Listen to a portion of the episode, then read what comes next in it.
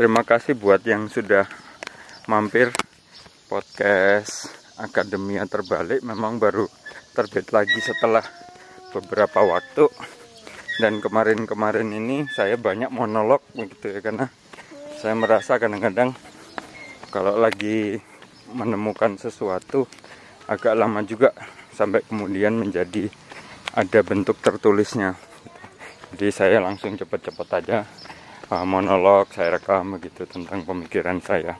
Nah sekarang di di sisi sebelah sana itu ada namanya Aci nama panggilannya Aci nama lengkapnya Anggita Agustin. Ini dulu uh, walaupun saya bukan pembimbingnya resmi saat S2 tapi uh, kami berdua punya uh, banyak kesamaan interest jadi sering sering apa namanya Aci sering juga berkonsultasi tentang risetnya ke saya gitu.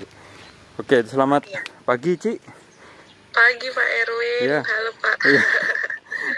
ya ini sudah sejak berapa tahun kita terakhir ya? Kita ketemu terakhir itu Udah tahun tiga tahun ada mungkin eh, ya, tiga Pak. tahun ya. Oke. Nah, Anda kan posisi eh, sebelumnya posisi sekarang ini adalah sebagai engineer ya. Iya. Nah, nah yang unik adalah Anda itu kan awalnya dari pertanian kalau tidak salah ya. Iya benar Pak.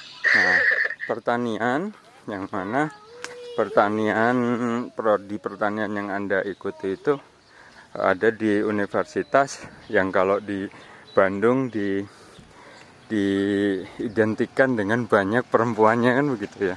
Iya. Kalau di, Iya Pak benar. kalau di Unpad itu. Nah, untuk eh, pembicaraan kita selanjutnya tentang perempuan di bidang STEM ya, Science, Technology, Engineering, and Math. Bisa dikenalkan sedikit, Ci, ininya tentang diri Anda.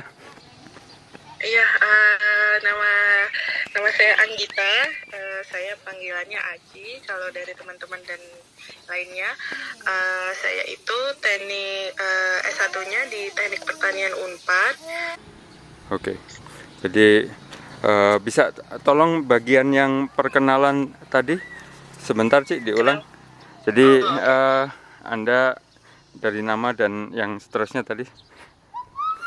Eh, eh, saya Anggita, saya Mhm. eh, sekarang bekerja di eh apa?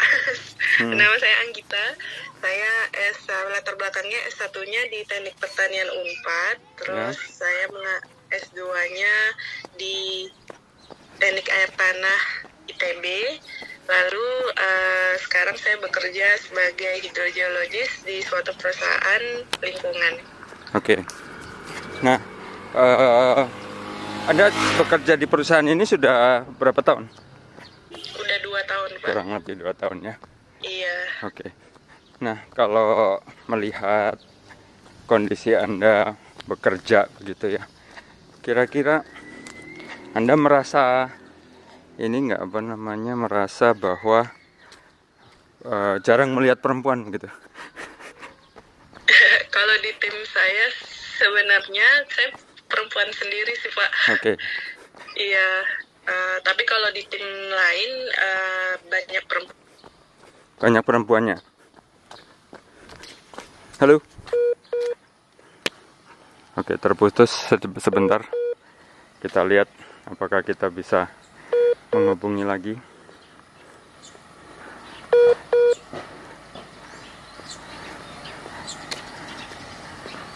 Sebentar.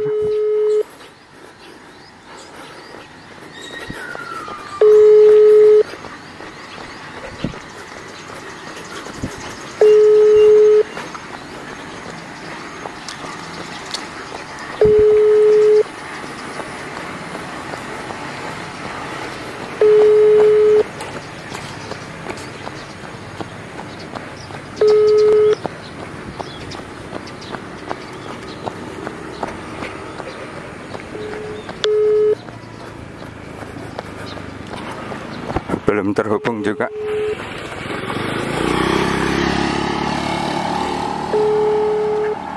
Oke, kalau gitu saya akan coba telepon via saluran biasa bukan WhatsApp call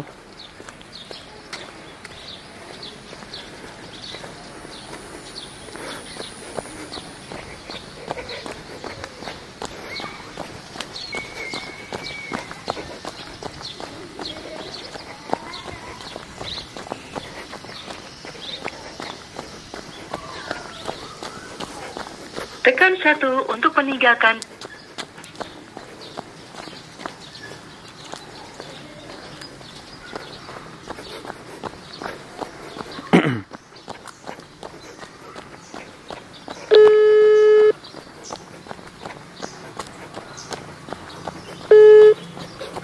Halo Pak, halo. Nggak apa-apa lewat. maaf, Pak. nggak apa-apa lewat ini aja. Ini rekamannya masih jalan kok. Tenang aja. Mau saya telepon aja Nggak, Pak? nggak apa-apa. paket telepon banyak. ini sama juga saya ada Oh ya udah. sesama Baik, nah Iya, yang saya ingin tanya berikutnya adalah bidang kerja anda ini sekarang secara spesifik apa sekarang apakah anda itu lebih banyak ke lapangan atau duduk di meja begitu kalau pekerjaan saya tuh sebenarnya 50-50 Pak. 50% di lapangan, 50% di meja. Kalau misalnya eh, kerjaan lapangannya udah selesai, eh, biasanya saya nulis laporan di kantor. gitu. Oke, jadi tipikal sebenarnya ya. Jadi Iya, Anda ke lapangan masih mengambil data, kemudian ngambil data. ya Anda laporkan gitu ya. Iya, ah, ah, Oke, nah gitu. eh, lebih ke apa? Lebih ke kontaminan atau ke Eh, arah nam- apa nih Anda? Nama tim tempat saya bekerja itu uh, Contaminated Set Management. Jadi tim kami itu bertugas untuk uh, meremediasi uh, site-site uh, uh, atau lapangan-lapangan seperti pabrik atau site-site tertentu yang ada indikasi kontaminasinya. Jadi Oke. kalau misalnya uh, pabriknya atau perusahaannya menghubungi kami, misalnya, uh, halo kami sepertinya mau Mhm, asesmen lingkungan gitu. mhm. Jadi uh, akan diakses dulu namanya phase 1. Kalau di fase 1 ini cuman dilihat aja Mhm. uh, apakah ada kontaminasi enggak atau ada potensial kontaminasi di site tersebut. Nah, jika memang oh sekiranya eh kayaknya sepertinya ada nih terus lanjut ke fase 2 Oke, Nanti di fase 2 itu dilakukan pengeboran atau ya, ya dilakukan pengeboran atau pengambilan sampel air oke. begitu yang intrusif pekerjaan yang intrusif. Dan Nah, dan kalau- itu sampai ke tindakan remediasinya itu. Iya, jadi kalau Oh. misalnya di fase 2 itu udah terbukti hasil labnya keluar, udah terbukti terus dikomparasikan dengan uh, peraturan yang ada seperti undang-undang, perpu atau perda gitu. Misalnya terbukti di luar ambang batas atau bagaimana masuk Hmm. ke phase 3. Nanti di phase 3 dilakukan remediasi atau pembersihan. Oke, oke. Jadi sebenarnya anu ya, lengkap ya paketnya ya. Dan Iya. artinya kan Anda yang akan punya kemungkinan bekerja dengan perangkat-perangkat keamanan maksimum, betul ya? Iya, iya benar Pak. Karena limbah TPS sih menurut saya bukan yang paling jelek yang akan yang telah Anda hadapi kan yang Anda punya potensi untuk untuk tangani kan sebenarnya. Iya, iya.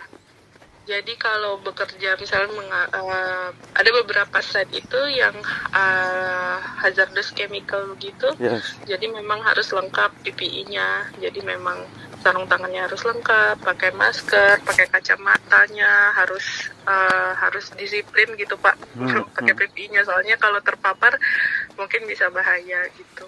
Ya.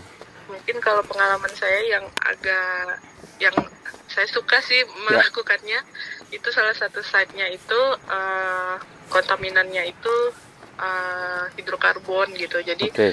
Pas dibuka sumurnya itu bau, pas dipur itu bau bau sekali sampai pusing gitu. Oke, oke. Dan dan masalah baunya itu hanya masalah minimum ya.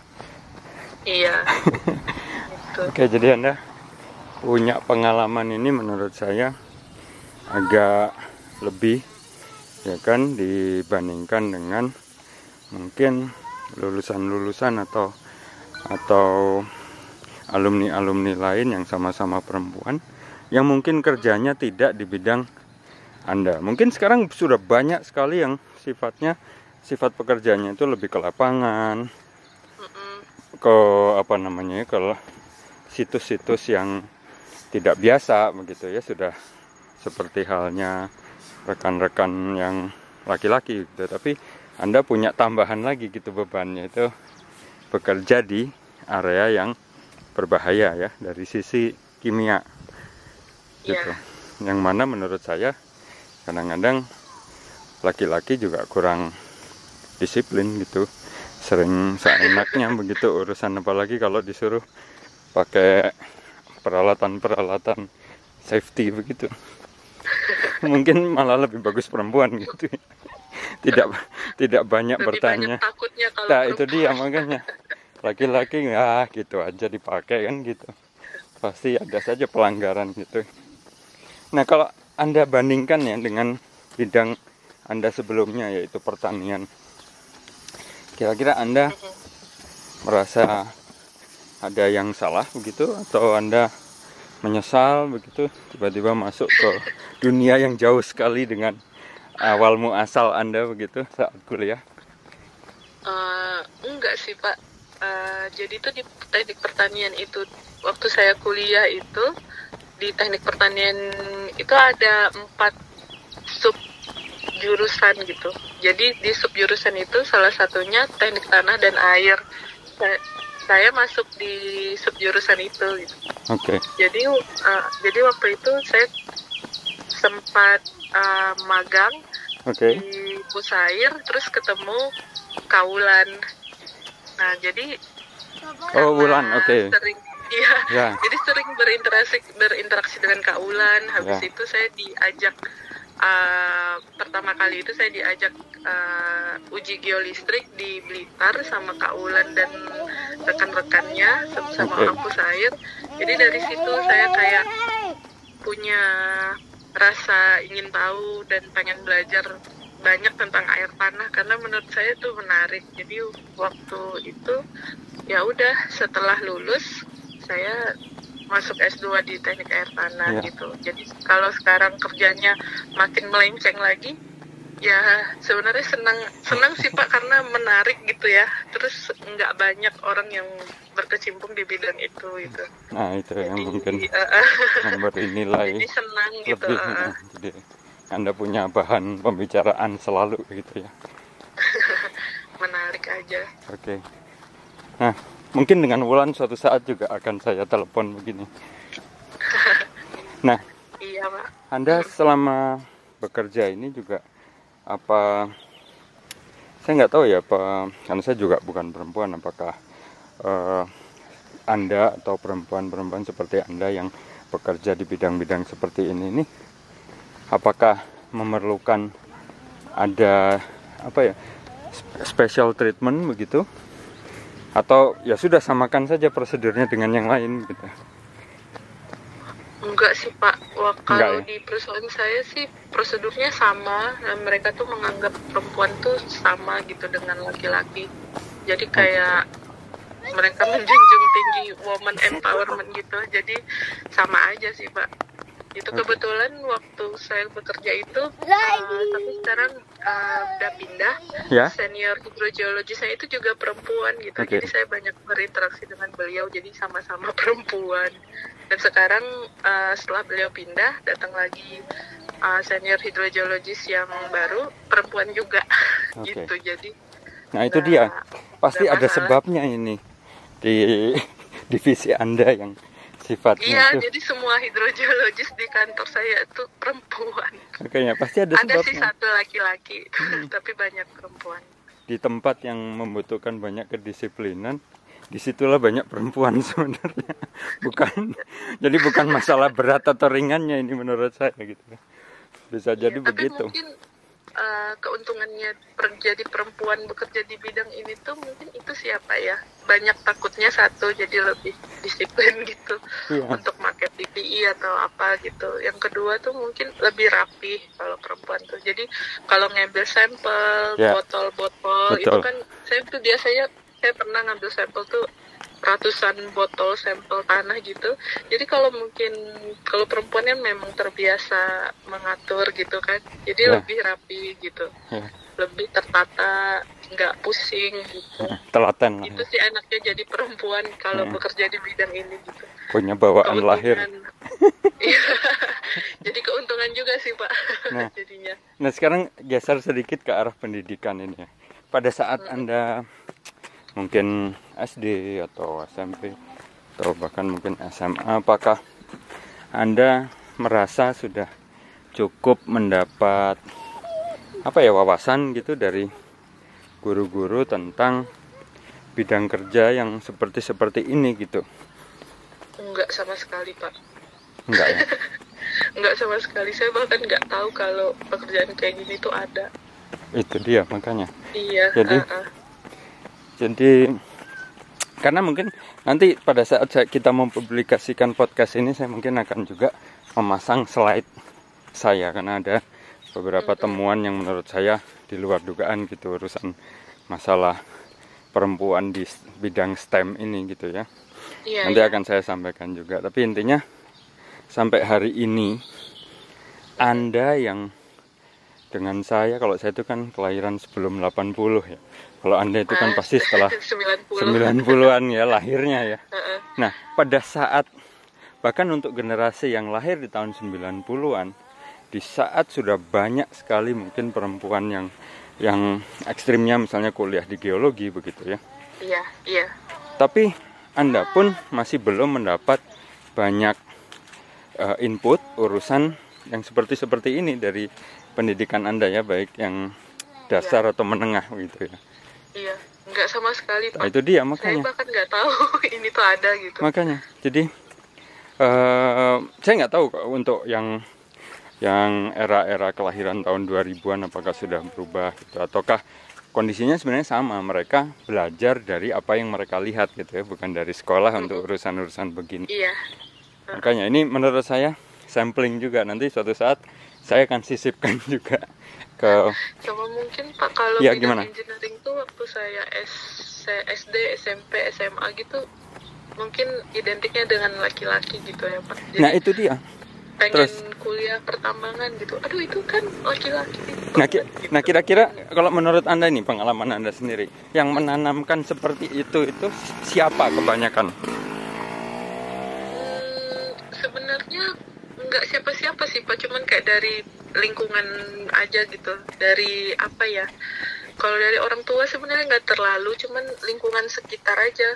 Jadi kayak pertambangan perminyakan atau teknik teknik secara umum tuh agak asing gitu. Jadi kalau perempuan itu aduh jangan Jadi- gitu. jadi- terlalu manly gitu Hmm. kayaknya gitu. Jadi bahkan itu input seperti itu bukan berasal dari lingkungan inti ya, Iya, jadi kayak lingkungan sekitar yang secara tidak sadar gitu loh, Pak. extended Jadi- environment gitu ya. Iya, jadi Entah nenek kalau gitu. Dipikir nggak tahu dari mana.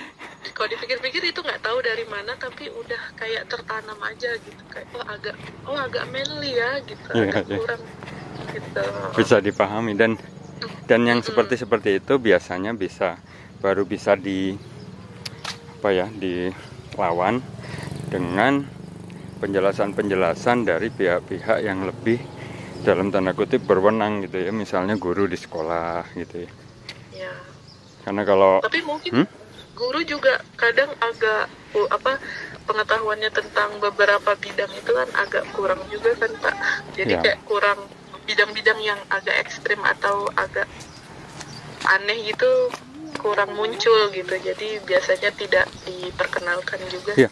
Ke anak-anak. Biasanya Makanya itu. begitu.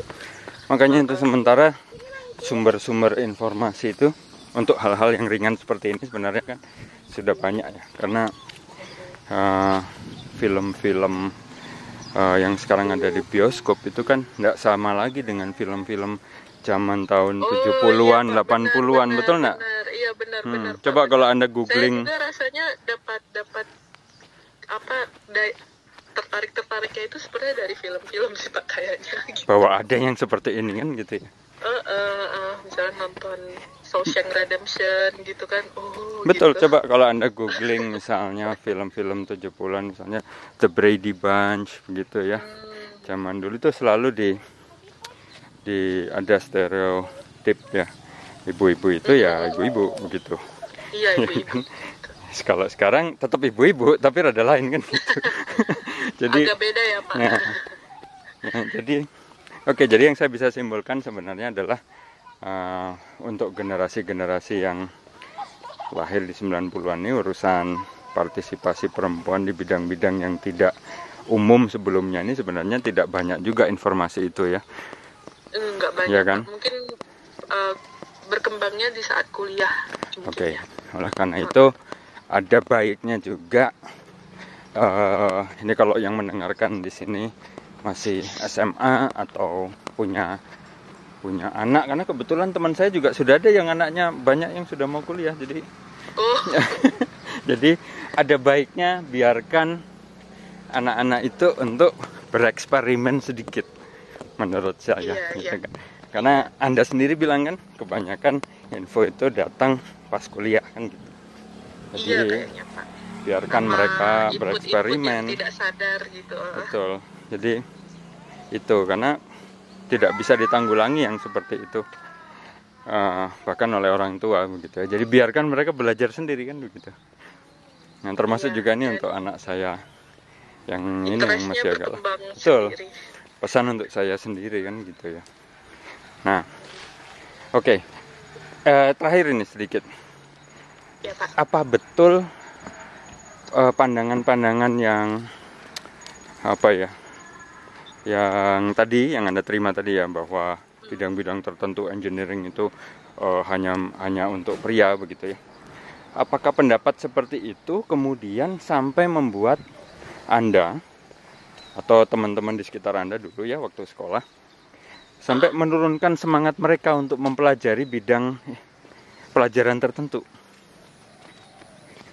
sampai sampai saya- begitu nggak gitu? Misalnya ah saya toh nggak cocok di engineering maka saya nggak usah tinggi tinggilah nilai matematikanya misalnya begitu. Mungkin kalau saya pribadi enggak sih pak ya. Karena saya agak tomboy memang jadi temannya Oke. banyak laki-laki. Tapi kalau misalnya kepribadian perempuannya dia sebenarnya tertarik ke daerah da apa eh, tertarik untuk eh, menimba ilmu di daerah daerah tertentu yang mendominated gitu tapi kepribadiannya apa ya eh, feminim sekali atau ya su- apa gampang terintimidasi sama pria mungkin agak berat berat ya pak ya. Mungkin bisa jadi ah nggak jadi gitu karena takut Gitu ya? karena aduh gimana nanti kuliahnya nggak nggak nyaman. Jadi ketidaknyamanan itu mungkin bisa aja menggugurkan keinginannya untuk belajar. Belajar bidang ada aja tertentu. sih pak yang kayak gitu. Teman-teman mungkin ya. Itu dia. teman-teman saya itu. bahkan untuk kelahiran tahun 90-an itu. Ada. Iya kan? Ada. Masih ada. kayaknya sih ada aja. Pasti Makanya ada sih pak. Uh-uh. makanya itu. Jadi sayang sekali sih sebenarnya ya pak ya. Makanya. Kalau memang suka gitu hanya karena takut terintimidasi atau takut tak bisa berbaur di, Hmm, di hmm. lingkungan laki-laki jadi nggak ini gitu, nggak jadi belajar. Ya bahkan ada juga yang nyerah saja sudah sampai hari ini misalnya kalau berhadapan dengan peta misalnya.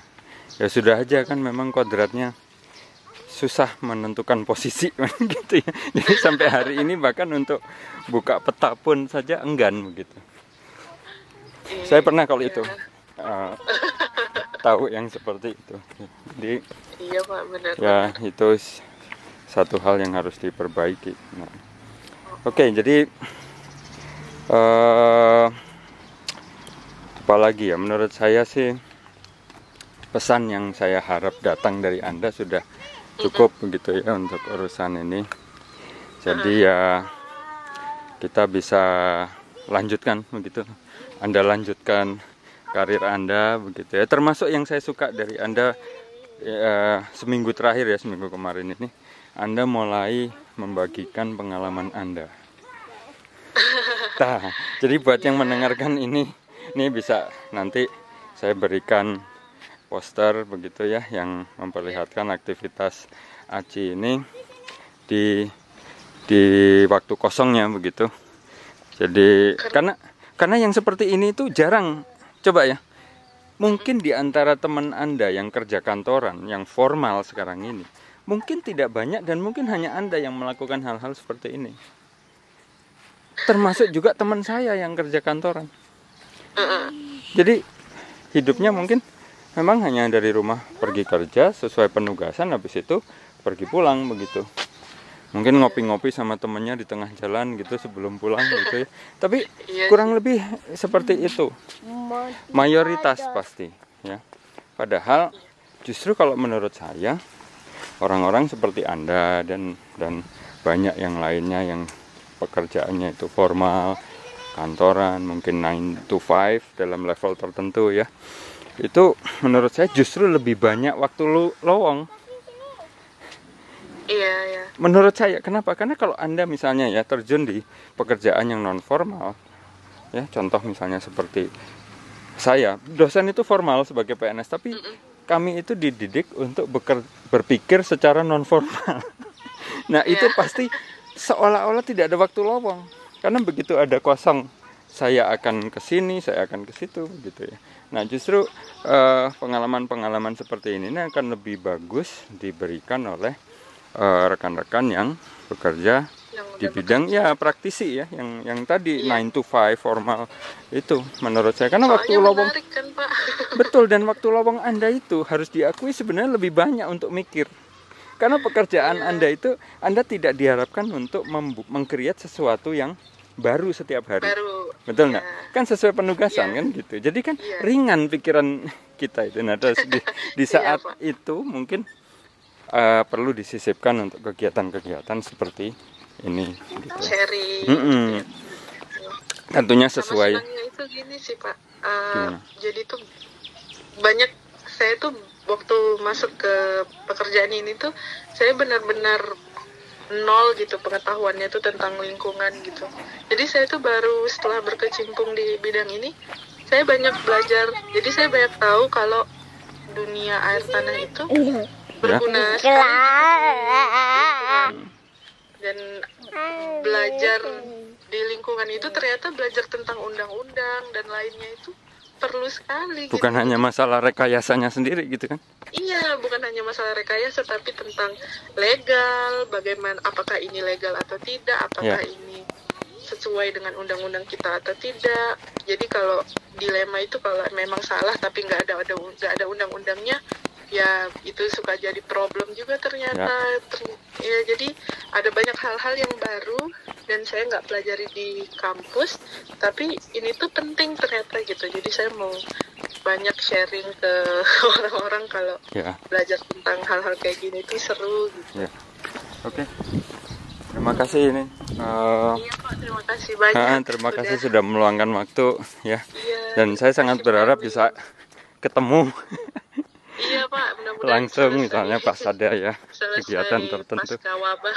Iya. pasca lockdown ini Heeh. dan saya yakin penjelasan Anda juga memberikan banyak manfaat ya buat yang mendengarkan. Ya, semoga Jadi bagi semoga saja perempuan jangan takut. betul dengan takut Udah Jadi- abad 21. kurang lebih seperti itu. Jadi kita selesaikan dulu ini dan kebetulan ini saya juga sudah lari kecil 3 kilo ini. Oh, iya. Jadi eh, kita ketemu online ya di Iya, media baik. sosial biasanya kabar-kabari terus eh, kondisinya. Iya. Oke Ci, Terima kasih Pak terima kasih. Ha, salam buat Terima kasih Pak Erwin. Bapak Salam buat Rahmat keluarga. dan- terima dan kasih, Putri atau Putra ini? Putra Pak. Putra, oke. Sip. Iya. Mangga, mangga. Terima kasih. Makasih. Iya, terima kasih Pak Erwin. Assalamualaikum. Iya, salam buat keluarga. Waalaikumsalam.